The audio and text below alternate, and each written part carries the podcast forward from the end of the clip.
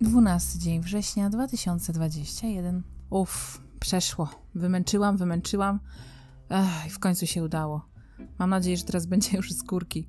Przeszłam najtrudniejszą scenę w książce. Podchodziłam do niej jak pies do jeża, no. Bolała mnie aż głowa. Wciąż coś wymyślałam, a tu biureczko brudne, a tutaj trzeba sobie zrobić po raz setny raz ziółek i herbatki zaparzyć, a tutaj plamka na monitorze, a, a tutaj ktoś dzwoni i sranie w banie. Tak to wyglądało.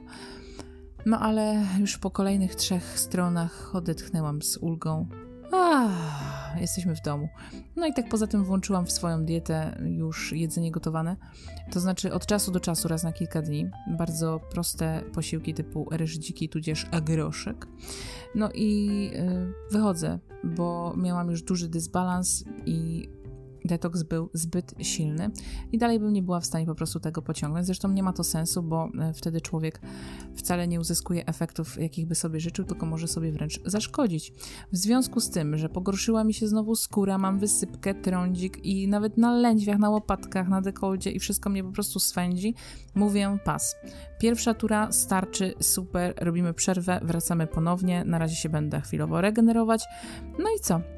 Jak przyjdzie mój odpowiedni właściwy czas, to przyjdzie odpowiedni właściwy moment i tego się trzymam.